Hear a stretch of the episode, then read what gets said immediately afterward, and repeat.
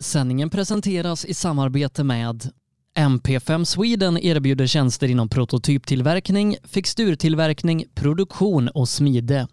På hemsidan MP5 Sweden AB kan du läsa mer om MP5 och vår verksamhet. Nybe AB. Med bas i Småland är vi verksamma i södra Sverige med byggentreprenad för såväl stora som små projekt, för industrier, större fastigheter och villor. Tillsammans erbjuder vi kompetens inom byggnation, projektledning, planering, VVS, plåtslageri och kringtjänster som till exempel leverans med kranbil. Vi har dessutom ett komplett byggvaruhus i Eneryda. Nybe är totalentreprenör som kvalitetssäkrar ditt projekt från idé till verklighet. Läs mer på nybe.se. Sedan starten 2005 har Ramudden haft som fokus att skapa säkra vägarbetsplatser. Vi fortsätter nu det här arbetet med att skapa säkra byggarbetsplatser för att öka säkerheten för byggarbetare och för de som rör sig där kring. Ramudden Workzone Safety. AM Elteknik erbjuder tjänster inom el och kommunikation för företag och privatpersoner. PP Engineering. Vi säljer och levererar däck och fälgar från Yokohama Motorsport och Speedline. Vi är specialiserade på tävlingsdäck för rally och racingverksamhet, men erbjuder även fälgar för lastbilar och däck till din historiska personbil. Alla våra produkter är framtagna för hög prestanda. Läs mer på ppengineering.se. Appelskogsbil är din Peugeot-återförsäljare i Linköping. Vi har även verkstad och ett stort antal begagnade bilar i lager. Kom och besök oss på Attorpsgatan 1 i Linköping eller besök hemsidan appelskogsbil.se. Girvelius Store, en butik med stort utbud. Vi har det mesta från heminredning och accessoarer till jakt och fiskeutrustning. Vi är dessutom Swedol-partner. Besök vår butik på Vallgatan 45 i Fjugestad eller vår webbshop girvelius.com. JG Mark är ett företag som utför mark, sten och betongarbeten. Läs mer på jgmark.se. Ja, mina damer och herrar, hjärtligt välkomna ska ni vara hit till våran livepodd på Rally Lives Facebook-sida och på SPF Play. Den här veckan har vi ett speciellt program där vi nämligen ska prata med Sveriges senaste, jag ska inte säga sista, men senaste världsmästare i rally, nämligen Stig Blomqvist, världsmästare 1984. Eh, men innan vi ringer upp Stig så ska vi givetvis tacka de sponsorerna som gör de här sändningarna möjliga. Extra stort tack säger vi till MP5 Sweden AB. Vi tackar också Nybe, Ramudden, AM Elteknik, Jiggemark, Jirvelius Store, PP Engineering Yokohama och Appelskogs bil. Utan de här företagen så hade de här poddarna aldrig varit möjliga att genomföra. Den här veckan ska vi som sagt snacka med Stig Blomqvist, världsmästare 1984. Vi ska gå igenom hans karriär, prata lite om hur han började med rally, ehm, varför det blev Saab och, och sedermera Audi och lite mer få höra hur den här säsongen 1984 var när det blev VM-guld. Men också vad som hände sen eh, efter det och varför han fortfarande tävlar idag och ännu inte har lagt hjälmen på hyllan. Det är vad vi ska göra eh, kommande stund här i våran podcast och ja, vi ringer väl upp Stig direkt tänker jag.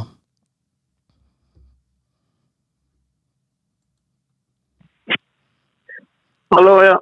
Hallå Stig, det här var Sebastian i rallyradion. Ja, tjena. Tjena Stig, hur är läget? Oh, det är rätt bra. Ja, härligt. Vad, vad hittar du på en, en måndag så här i slutet av maj? Ja, det har inte så mycket att göra egentligen. Nej. Eh, ingen rallyåkande nu för tiden för dig? Nej, nu har det varit lugnt ett tag. Det är ju inte så mycket det går att göra.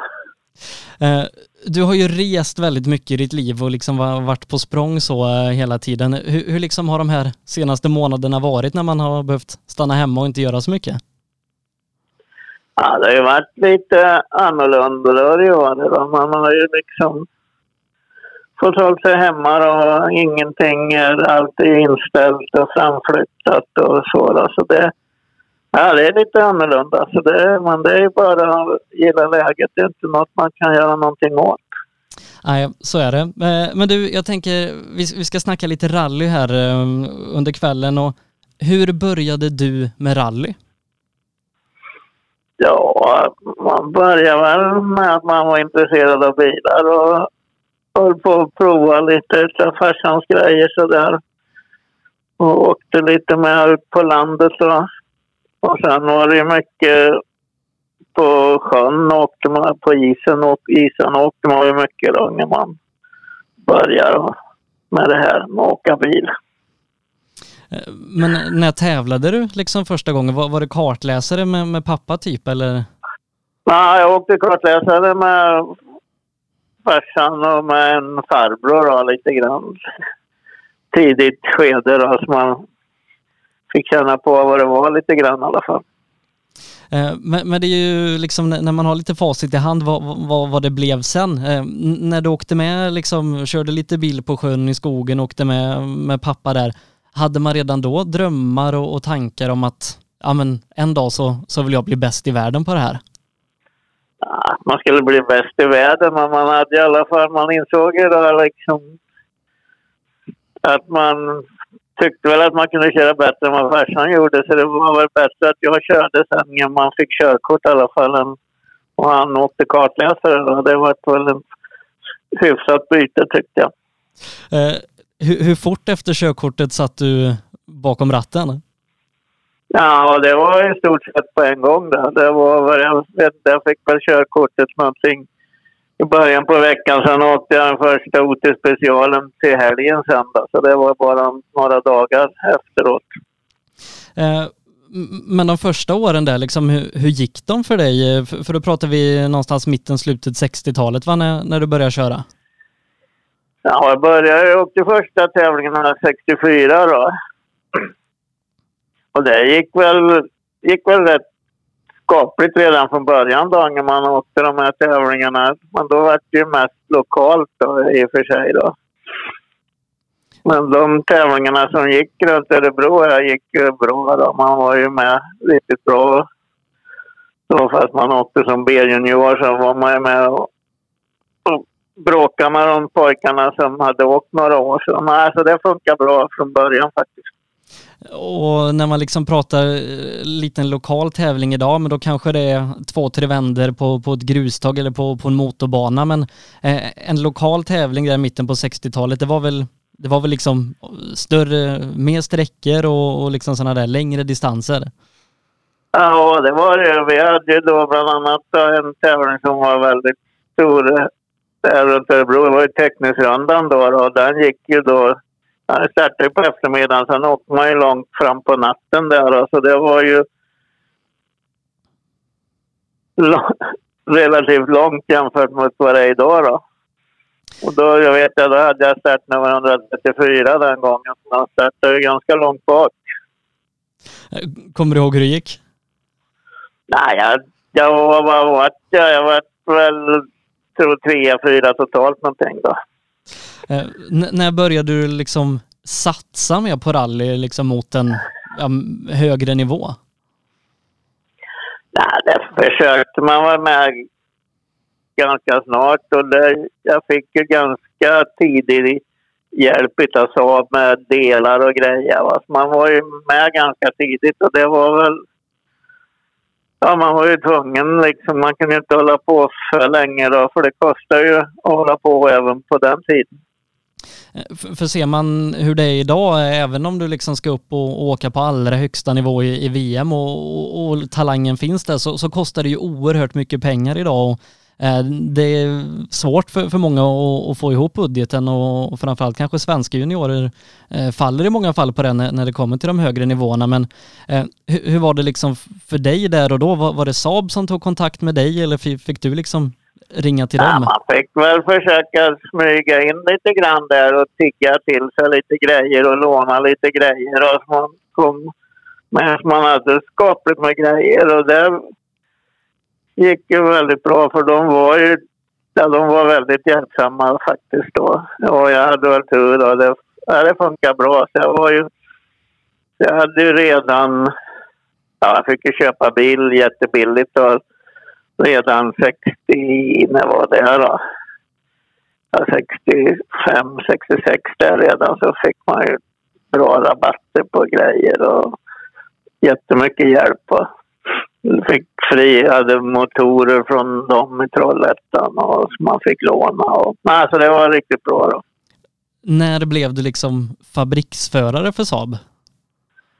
Ja, det vart väl inte... Ja, då började RAC69 då vart det då, då åkte jag med min bil då, med full service från dem och allting. Och sen började jag åka heltid och jobba åt dem 1970 då.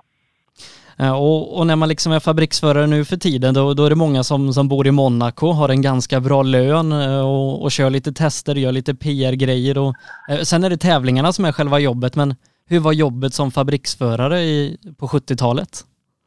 Ja, det var väl lite annorlunda. Man behövde inte bo i Monaco i alla fall, för sådana pengar var det inte. Utan det var väl vanlig lön i princip som man fick ihop, så att man kunde leva på. Liksom, men man fick ändå åka tävling och det kostade ingenting. Då. Så det var ju det som var ja, grejen egentligen. Då. Det var ju det att man var ju allting gratis och hade en slant för att man åkte. Då. Eller en slant, jag var ju anställd på Saab då. På, inte som tävlingsförare utan jobbade som på kontoret i Nyköping. Då var jag anställd som på reservdelssidan där. Men så att du, du, du gjorde liksom vanliga eh, arbetssysslor på veckorna och körde tävling på helgen typ? Nej, det var inte så mycket tid till det vanliga. Vi åkte ju ganska mycket tävling och så. Alltså det var ju inte mycket. Det var ju när det var lite sådana här bensinkriser och grejer. När det var lite dåligt med tävling, då var man väl lite i Nyköping och jobbade. Men annars var det ju i stort sett tävling och tester och lite PR-grejer och sånt då, som var. Uh, och, och, redan då var, var ju Saab ett ganska framgångsrikt rallymärke med, med Erik Karlsson på taket och, och Monte Carlo-segrar och, och, liknande så. Uh, vad var det för tävlingar och, och serier och sånt som ni fokuserade på när, när du blev anställd där på Saab? Nej, först och främst var det ju då SM. Och då var det ju två, då var det både rally-SM och tillförlitlighets-SM som vi åkte. Plus då Ja, Svenska rallyt, det var ju inte SM alla gånger va, så det var ju också en viktig tävling. Och sen hade väl få Saab egentligen som princip, de åkte Finland och RAC.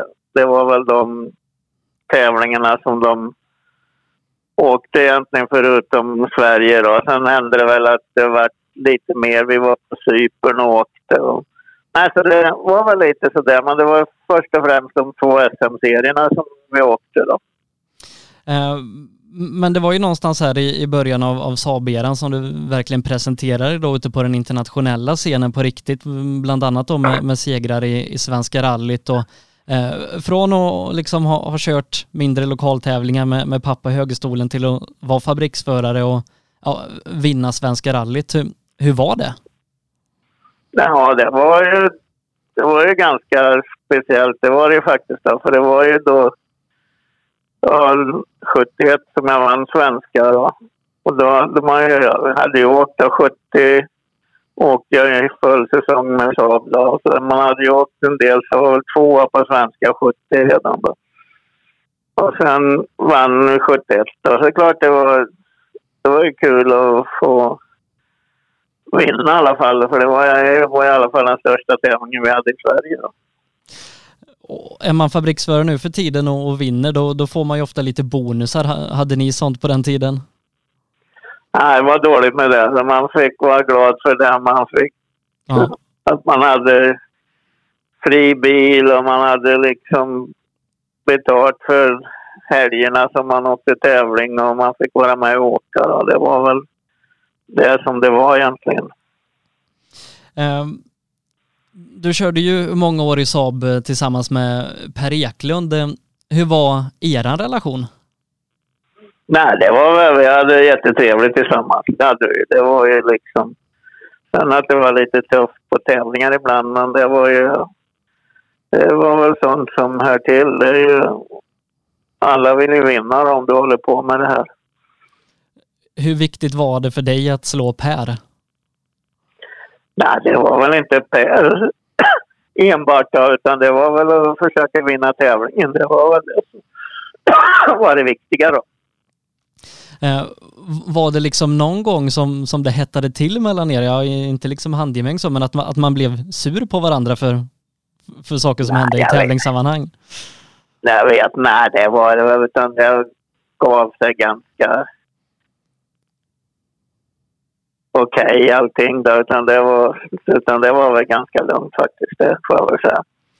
Eh, nu för tiden då så eh, om man åker Svenska rallyt, eh, säg som du gjorde 71, och om man skulle göra det nu, ja men då åker man igenom sträckorna två gånger innan och så filmar man dem och tittar på hotellrummet lite innan.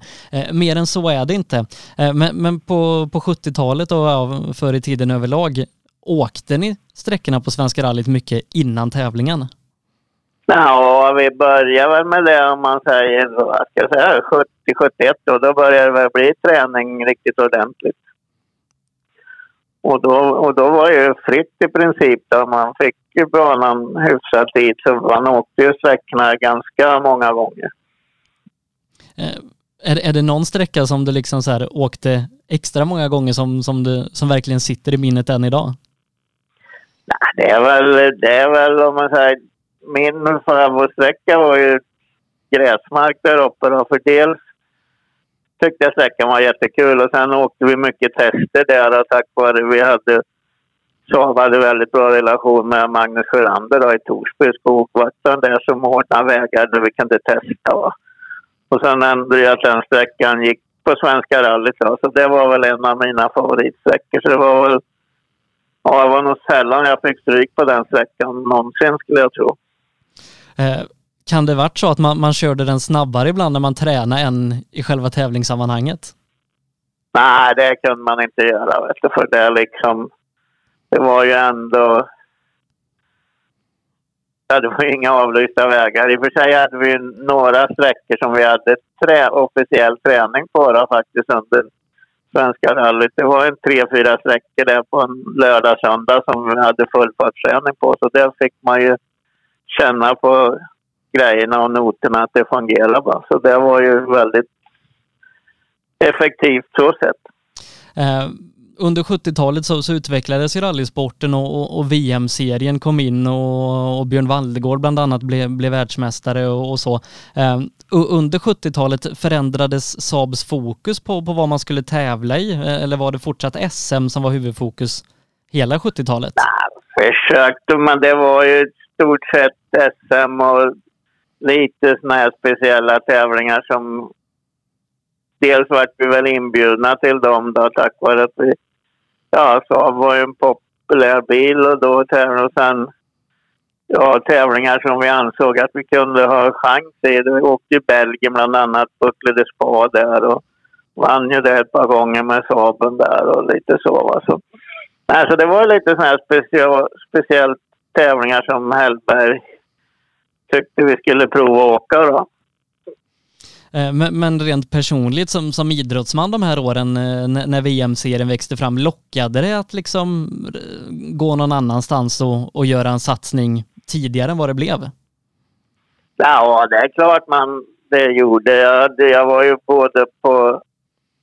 Jag var på Ford redan på ja, början på 70 där och hade erbjudande att åka där och, sen var på Fiat eller på Appart, det var lite senare där. Men, men det har varit att man stannar kvar på Saab för det funkar bra. Jag hade ganska bra där faktiskt. Alltså det var, var ju tvungen att bli något riktigt bra om jag skulle ha dragit någon annanstans just då. då.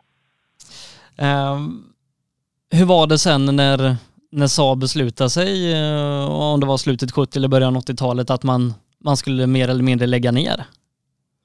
Ja, då var det lite kämpigt, då, eller kämpigt, men vad man skulle göra egentligen då och titta på. Man hade åkt bra i England och där, alltså jag fick eh, väldigt bra kontakt med på Lotus Talbot där, Dess Odell som var chef. Alltså han erbjöd mig bil på RAC och Finland och lite så. Då. Och sen åkte jag ju hela engelska mästerskapen med dem sen 82 var det väl. Eller 81 var det väl, 82 där. Eh, men från då har varit liksom anställd och lyft lön ifrån Saab, ehm, kunde du fortsatt leva på rally efter att, att de la ner och det blev lite så här strögrejer? Ja, det gick väl bra för det man hade på Saab, det var väl klart bättre om man kom utanför Sverige lite grann. Då var det väl lite bättre betalt. Så det gick och inga problem att överleva i alla fall. Eh, men nu för tiden så, så man behöver ju ofta manager eller agenter och liknande som, som lobbar för en för att man ska kunna komma in i, i team och kanske ja, via sina partners och kopplingar till ja, hur det nu funkar liksom. Men eh, hur var det för dig? Fick du ringa runt till teamcheferna eller ringde de dig eller hade du någon som hjjälpte dig där när, när man stod i valet och valet? Nej, det var då i början där av 70-talet med Ford och Fiat och då var man väl lite själv faktiskt. Men sen var det ju att man hade en, jag hade en engelsman som hjälpte mig med mina grejer. Så, så det var för mycket att hålla på med själv. Ehm, men du hamnade ju i Audi sen då, fabriksteamet i, i VM. Hur, hur hamnade du där? Ja, det var väl egentligen att svenska generalagenten då, som var VAG, de hade ganska bra kontakt med han som var PR-chef där, Sigvard Andersson då. Så han tyckte att vi skulle försöka hitta på något till 82 då, så vi var nere till Tyskland då och träffade Audi då. Så han gjorde någon deal med Audi där så han fick en bil till Sverige som jag skulle åka då. Ja, SM med framför allt, sen Svenska rallyt och sen skulle vi väl åka Finland också då. Eh, och, och, det var ju lite strötävlingar så eh, inledningsvis då i, i VM som, som du nämnde där. Vad var liksom din roll i teamet när ni kom till en VM-tävling och, och Michel Moton och vilka du nu hade som, som eh, teamkamrater körde VM och krigade som VM. Vad var din uppgift? Var det att köra så fort som möjligt eller stötta dem? Nej, det var väl att köra så fort som möjligt. Det var väl det det handlade om. Och för 82 åkte jag ju då svenska Finland och i San Remo då åkte jag då. Det var de som vi fick hjälp av från tyskarna då. Eh, och du vann ju eh, San Remo-rallyt där 1982. Det var första VM-segern utanför Sverige och Svenska rallyt. Eh, hur var det att, att verkligen vinna internationellt? Ja, det kändes ju rätt skönt faktiskt att visa att man kunde vara med även utanför Sverige och vinna tävlingar. Så, nej, så det kändes bra. Um. Och, under de här åren då så, så körde ni ju eh, de här Grupp B-bilarna, legendariska bilarna. Hur var de att köra? Ja, det var ju det var ju rätt skoj tid faktiskt. Det var det. Det måste jag väl erkänna. Bilarna var ju kul att köra och det, de gick ju bra. Då. Så nej, det var, det var skoj. En trevlig tid faktiskt.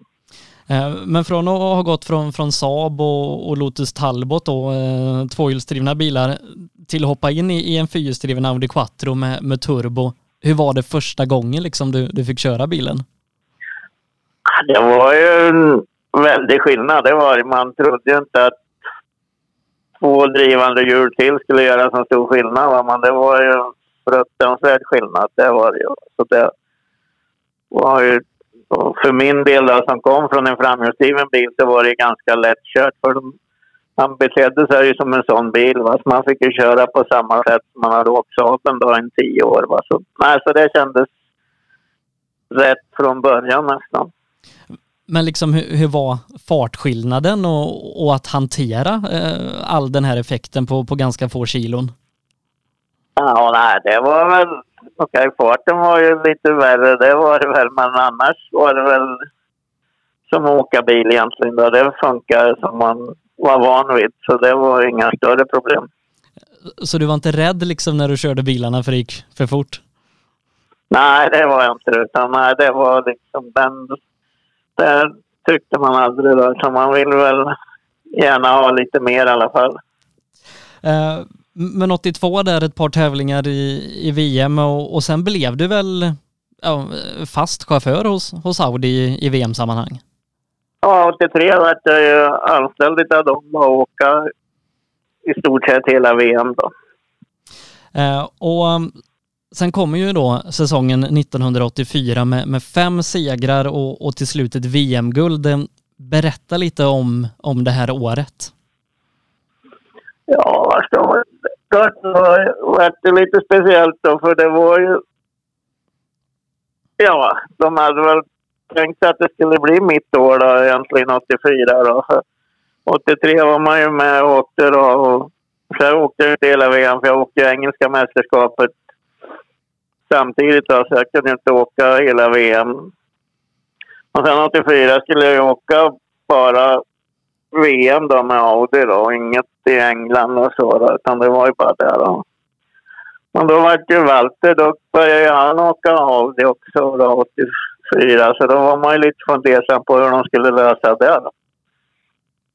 Men han ville inte åka hela VM-serien då, utan så det var, var ganska lugnt i alla fall för min del då.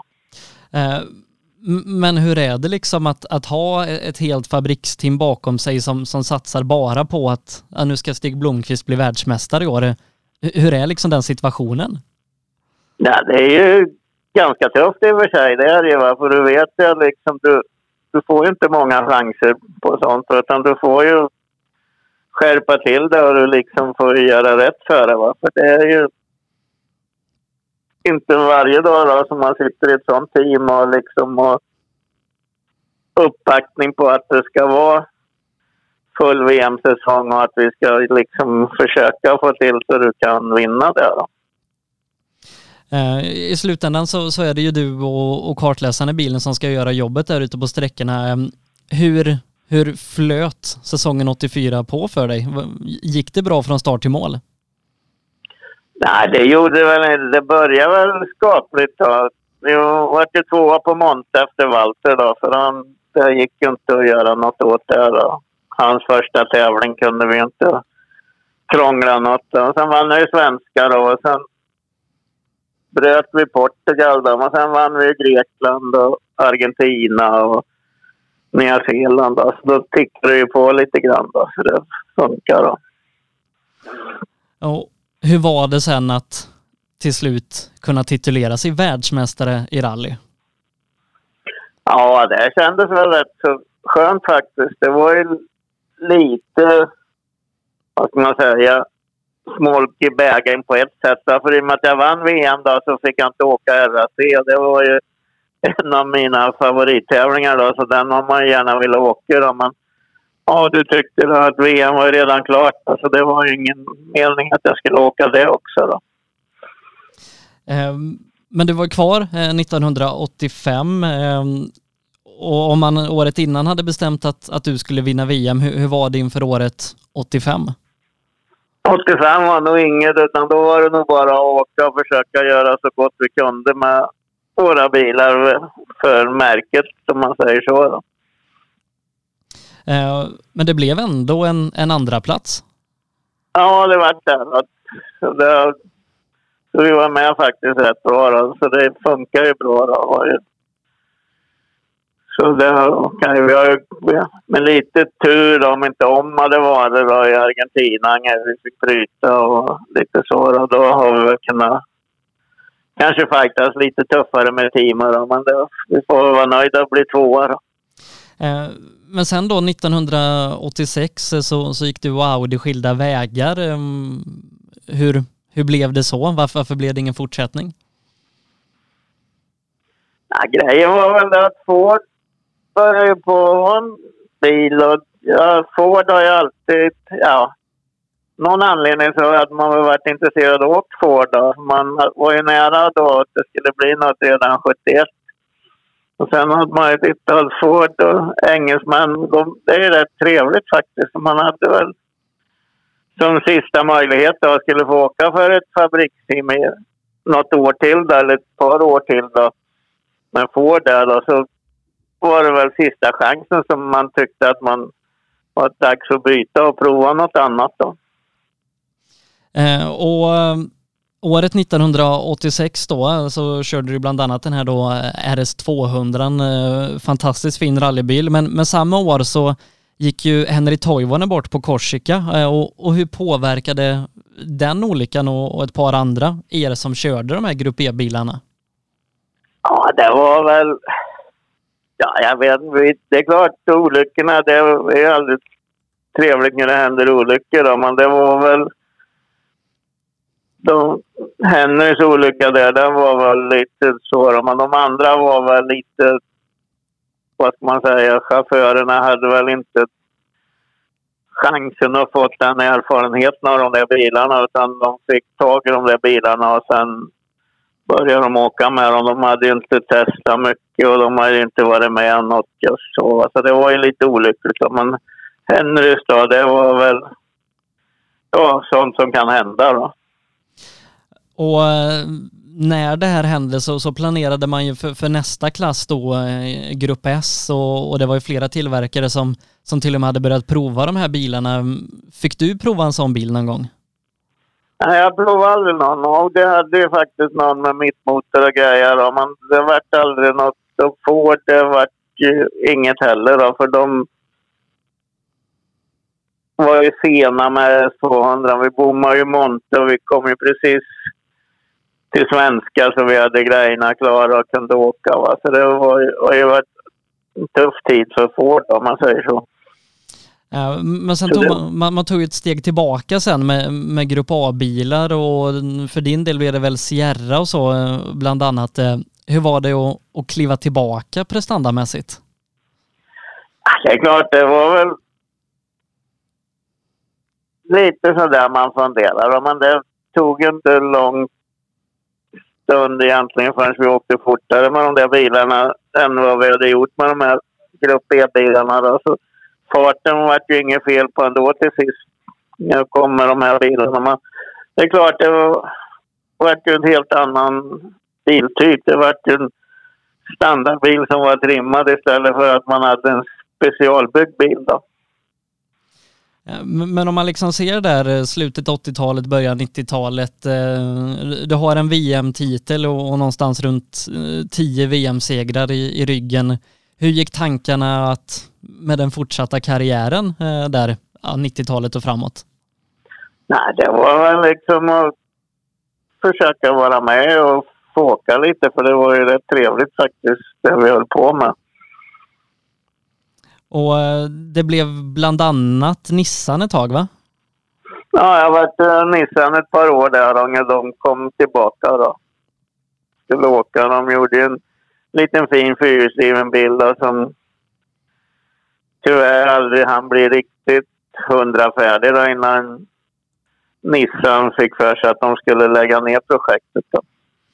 Uh, och det blev väl också en, en del jobb tillsammans med Skoda för din del?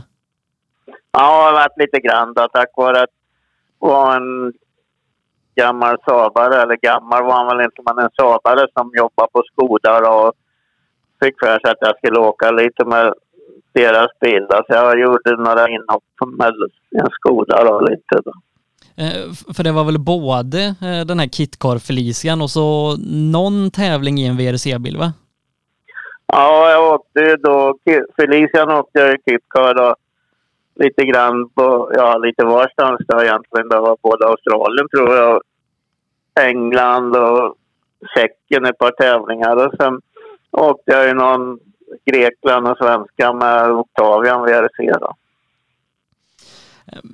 Men, men då hade du, du ändå liksom haft eh, fram tills eh, där då en ganska framgångsrik karriär eh, och, och, fått vara med om mycket och, och kunnat leva på sporten eh, och, och, ändå kommit upp i, i lite ålder.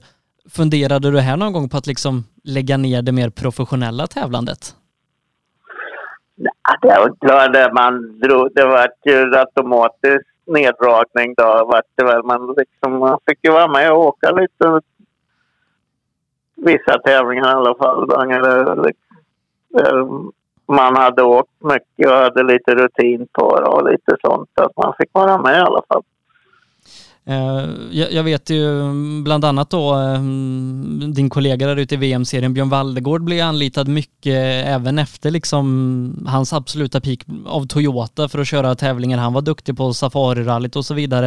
Eh, var det många märken som, som ville ha din, din expertis i olika områden för, för deras många verksamhet? Var det väl inte, många var det väl inte, men det var väl en del som man... Jag jobbade väldigt nära med Ford en längre tid. Jag var ju med ja, med lite allt möjligt på deras sida. Var ju med ända fram till Puman där vi åkte med lite och testade och grejer. Va? Så det hade mycket kontakter med dem och det gjorde att jag åkte ju Safari då med en Ford Ange Delacour.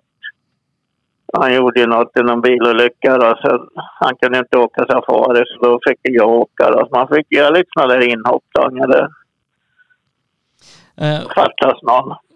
Du körde Pikes Peak någon gång eh, den här perioden också va?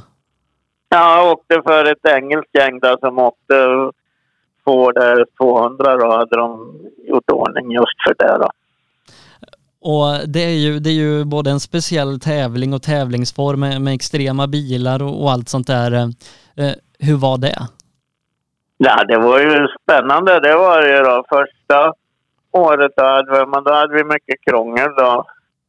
Med motor och sånt. Då, så vi hann inte med mycket träning. Men vi kom upp i alla fall. Så jag var ju tvåa i den klassen. Då. Men sen andra gången vi gjorde försök då, men då hade vi otur och det började snöa så vi fick bara åka halva backen då. Så då var det inget riktigt med det i alla fall då. Du körde ju Grupp N-bilar också ganska länge i, i olika VM-tävlingar. Jag tror det var fram till 06, eh, något sånt där. Och Eh, något år körde du ju faktiskt ganska många tävlingar. Eh, varför gjorde du det? Nej, jag fick ju möjligheten att åka då med, med Anna Goni då, från Venezuela då, som hade åkt kartläsare med lite olika då. Men sen hade hon ju haft lite otur under vissa omständigheter då, så det hade hänt saker då. Så då fick jag förfrågan av David Satson om jag kunde vara intresserad och åka lite tävlingar. Då. Och det var ju meningen att det skulle vara mest lite såna här långlopp med gamla historiska bilar. Då. Men det visade sig sen att de ville åka, så vi åkte Grupp NVM faktiskt ett par, tre år där tror jag till och med. Nu då på senare år så har det blivit en ja, hel del uppvisningstävlingar och du har kört historiska safarirallyn och midnattssolsrallyt och, och sånt där. Och, och, hur har det varit, eh, säg de senaste 10-15 åren, att, att få köra de här gamla bilarna som, som du tävlade med när, när det begav sig så att säga? Ja, det är helt fantastiskt att få chansen att åka, speciellt att komma ner till Afrika och åka tävlingarna mer eller mindre som det var då på 80-talet då. Inte de här som det är modern tid utan hur det var då. Och till och med samma vägar mycket och de vägarna har inte ändrat sig sedan vi åkte då på 80-talet. Alltså, alltså det är ganska fantastiskt att få prova faktiskt, eller få vara med och göra det. Jag tänker vi, vi ska prata lite mer om, om Svenska rallyt också. Va, vad betyder tävlingen Svenska rallyt för dig? Ja, det är ju en hemmatävling och det är ju alltid häftigt och speciellt då när det är VM var man fick åka en hemmatävling som det gällde då att vara på tårna då så man var med för det var ju största chansen man hade att visa att man hängde med egentligen. Det var ju hemma på svenska. Eh, och det har ju blivit väldigt många segrar och, och du är bland de absolut framgångsrikaste någonsin i, i Svenska rallyt. Och vad betyder det för dig, den, den historien och, och, att ja, det, det, är ingen annan som, som gjort det du lyckats med? Nej, men det var man... Det var ju tufft då man vet. Så vi låg ju i då. Vi hade ju... Man, vi testade mycket och vi hade björnkoll på däck och grejer ihop med Hagström och där klisterlappen var. Så vi hade ju riktigt bra koll på allt det här och det gjorde väl att även med Saaben kunde man ju hänga med de här då som typ Ford kom med sitt gäng och Toyota och de här. Va? Men vi var ju och Lancia. Va? Men vi var ju med med en Saab och det var ju ingen som trodde egentligen. Men vi hade Svenska rallyt hade vi bra koll på. Av alla segrar du har i, i Svenska rallyt, vilken var tuffast att vinna? Ja, det är väl svårt att ta honom. man klart.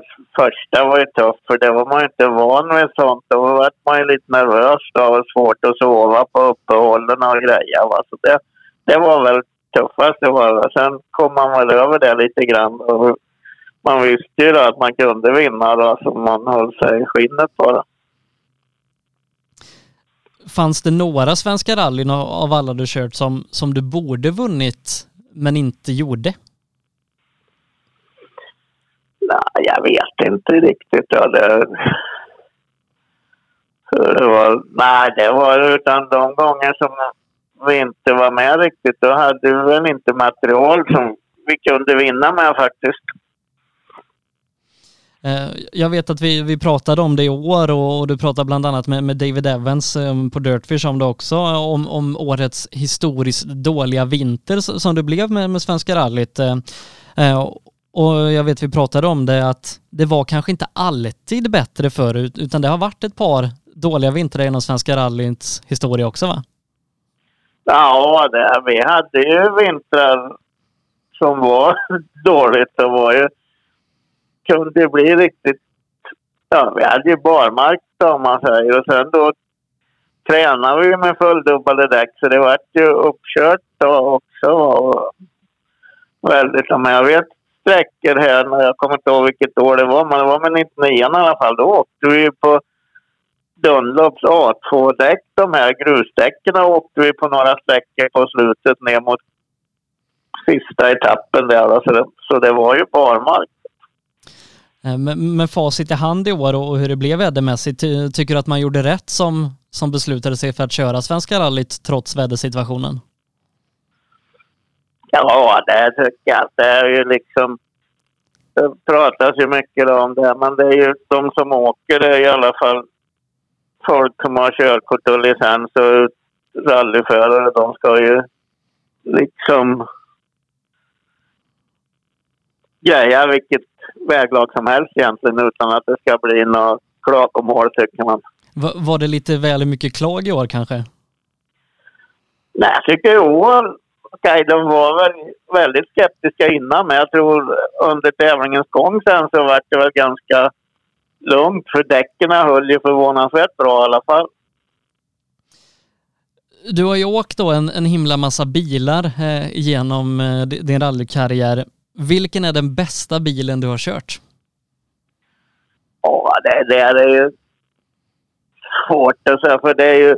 Men det är klart, Audin var ju bra när det kom där. Det, han var snabb, han var stark, han var relativt lättkörd när man visste hur man skulle köra framhjulsdriven bil. Va? Så den var väl kanske strået vassare. Men sen har man ju åkt, det är så många perioder va? och det har ju varit bilar, det åkte Lancia Strata som den var ju jättebra på sin tid. Va? Så det, det är svårt att bara ta en sådär rakt ut. Men okay, ska man ta något då är det väl Audin då som var och om man, om man vänder på det, vilken är den sämsta bilen som du kört? Ja, det, det, fan, det är väl...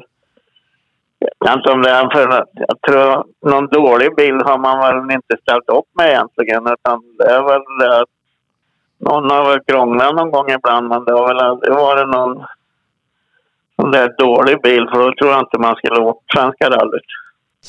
Eh, och, genom alla år då, i alla, alla team och tävlingar du kört, så har du haft väldigt många teamkompisar, eh, några bland de mest framgångsrika i rallyhistorien. Vilken har varit din bästa teamkompis? Det är nog också jävligt svårt att ta en då. Man måste säga Walter Röhl var ju... Det var ju inget krångel utan det var si eller så. Va? Det var svart eller vitt va? Det, som gällde. Va? Så det var, annars har det varit mycket sånt där lite smygning då. Det skulle vara lite, ja, man, så var det inte. Det ena med det andra. Va? Men han var ju liksom, okej okay, nu är det så här. Va? Då visste man att det var så. Så han, han, han var ju tuff och han hade ju björnkoll på allting. Va? Så det, han, var bra att ha att göra med.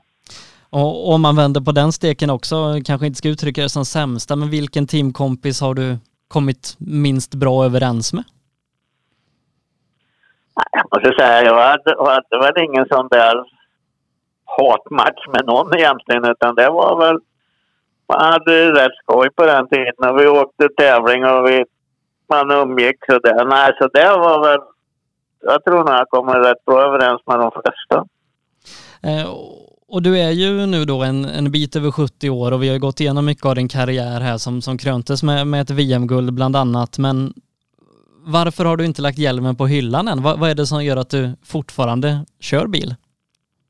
Nej, men det är ju fortfarande skoj att åka tävling och få prova någon bil då och då. Nu har vi de här historiska grejerna som har blivit väldigt populära och då kan man ju få vara med och åka lite fortfarande. Och om man då ser tillbaka på alla de här åren du kört rally, vad är du stoltast över att, att ha uppnått i din karriär?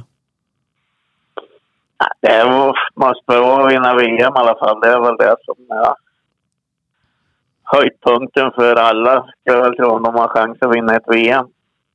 Och, och om man bortser från VM-guldet, finns det någon annan prestation som, som du rankar högt? Ja, det var väl att vinna RAC, en V4 71 i lag med alla fräna bilar som de åkte med då redan. Eh, du Stig, du ska ha jättestort tack för att vi har fått prata med dig den här måndagskvällen och, och gå igenom din karriär och, och, jag hoppas innerligt att vi, vi inom en inte allt för lång framtid får träffas ute på en rallytävling igen. Ja, vi får hoppas att det går att få komma igång igen ja. så småningom. Du, du, gör inte som, som många andra liksom gör, håller igång med, med tv-spelsrally och sånt. Det, det är inget för dig eller? Det är man för gammal för. Ja. Så skulle man varit 20 nu då på sin höjd. Eh, du Stig, ha en fortsatt trevlig kväll och återigen stort tack för att jag fick låna din tid. Ja, tack. Inga problem. Det är bra. Tack, hej. Hej.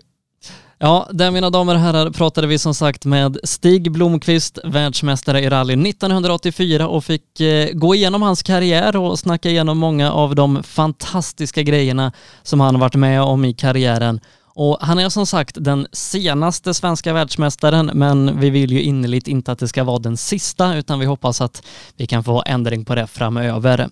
Eh, det var som sagt det vi hade att bjuda på i denna veckas livepodd, men vi ska pusha för vad som händer framöver. För vi kliver ju in nu då i Kristi himmelfärdsveckan och Kristi himmelfärd det är ju en klassisk rallyhelg i Sverige med South Swedish Rally som brukar gå av stapeln. Nu är det inte så på grund av coronapandemin utan SSR eh, är flyttad till senare i sommar. Men vi på Rally Live eh, vill ändå göra den här helgen till lite av en Super Rally Weekend som vi kommer att kalla den. Så på fredag, då kommer vi sända på vår Facebook-sida här då, Rally Live, förra årets tv-sändning ifrån Millebygden. Så på fredag kväll kan man bänka sig bakom telefon, dator, tv-apparater och återuppleva förra årets inledning av South Swedish Rally.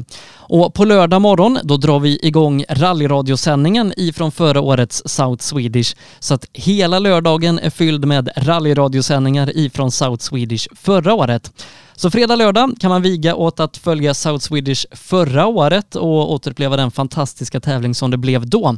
På söndag, då ska jag bege mig till Falköpings motorstadion och där ska vi direkt sända den rallyträning som de har där. Så att det kommer bli direktsänd rally här i helgen på sbfplay.se. Och sen så lite som grädden på moset och förlänga den här Kristi himmelfärdshelgen med så blir det en ny livepodd här på Facebook på måndag. Så fyra dagar med rallysändningar, South Swedish, fredag och lördag. Eh, på söndag då direkt sänder vi rallyträning ifrån Falköping och på måndag så blir det en ny livepodd. Så en riktig rallyhelg så att vi ändå kan få uppleva lite av den där nerven som man brukar ha den här Kristi himmelfärdsveckan. Eh, som sagt vill jag rikta ett stort tack till de sponsorerna som gör de här poddarna möjliga. MP5 Sweden tillsammans med Nybe AB, Ramudden, AM Elteknik, JG Mark, Jirvelius Store, PP Engineering Yokohama och Appelskogs bil. Utan de här sponsorerna hade det aldrig varit möjligt att genomföra de här poddarna och tack vare de här sponsorerna så kommer vi kunna fortsätta in i sommaren och ehm, ja, förhoppningsvis så länge det behövs med de här poddarna innan vi kan ses ute på rallytävlingarna igen. Och har ni tips på gäster vi ska snacka med eh, eller vill vara med och stötta på olika sätt, kanske som sponsor eller med något annat, så är det bara att höra av sig till mig, Sebastian Borgard på Facebook eller sebastian rallylive.se. Vi tackar som sagt så mycket för idag där vi fått höra världsmästaren från 1984 Stig Blomqvist. Jag säger på återhörande och missa nu inte våran Super Rally Weekend med South Swedish Rally återsändningar från förra årets tävlingar fredag och lördag, livesändning från Falköping och rallyträning på söndag och så en ny livepodd på måndag igen. Sändningen presenteras i samarbete med MP5 Sweden erbjuder tjänster inom prototyptillverkning, fixturtillverkning, produktion och smide. På hemsidan MP5 Sweden AB kan du läsa mer om MP5 och vår verksamhet. Nybe AB. Med bas i Småland är vi verksamma i södra Sverige med byggentreprenad för såväl stora som små projekt, för industrier, större fastigheter och villor. Tillsammans erbjuder vi kompetens inom byggnation, projektledning, planering, VVS, plåtslageri och kringtjänster som till exempel leverans med kranbil. Vi har dessutom ett komplett byggvaruhus i Eneryda. Nybe är totalentreprenör som kvalitetssäkrar ditt projekt från idé till verklighet. Läs mer på nybe.se. Sedan starten 2005 har Ramudden haft som fokus att skapa säkra vägarbetsplatser. Vi fortsätter nu det här arbetet med att skapa säkra byggarbetsplatser för att öka säkerheten för byggarbetare och för de som rör sig där kring. Ramudden Workzone Safety AM Elteknik erbjuder tjänster inom el och kommunikation för företag och privatpersoner. PP Engineering vi säljer och levererar däck och fälgar från Yokohama Motorsport och Speedline.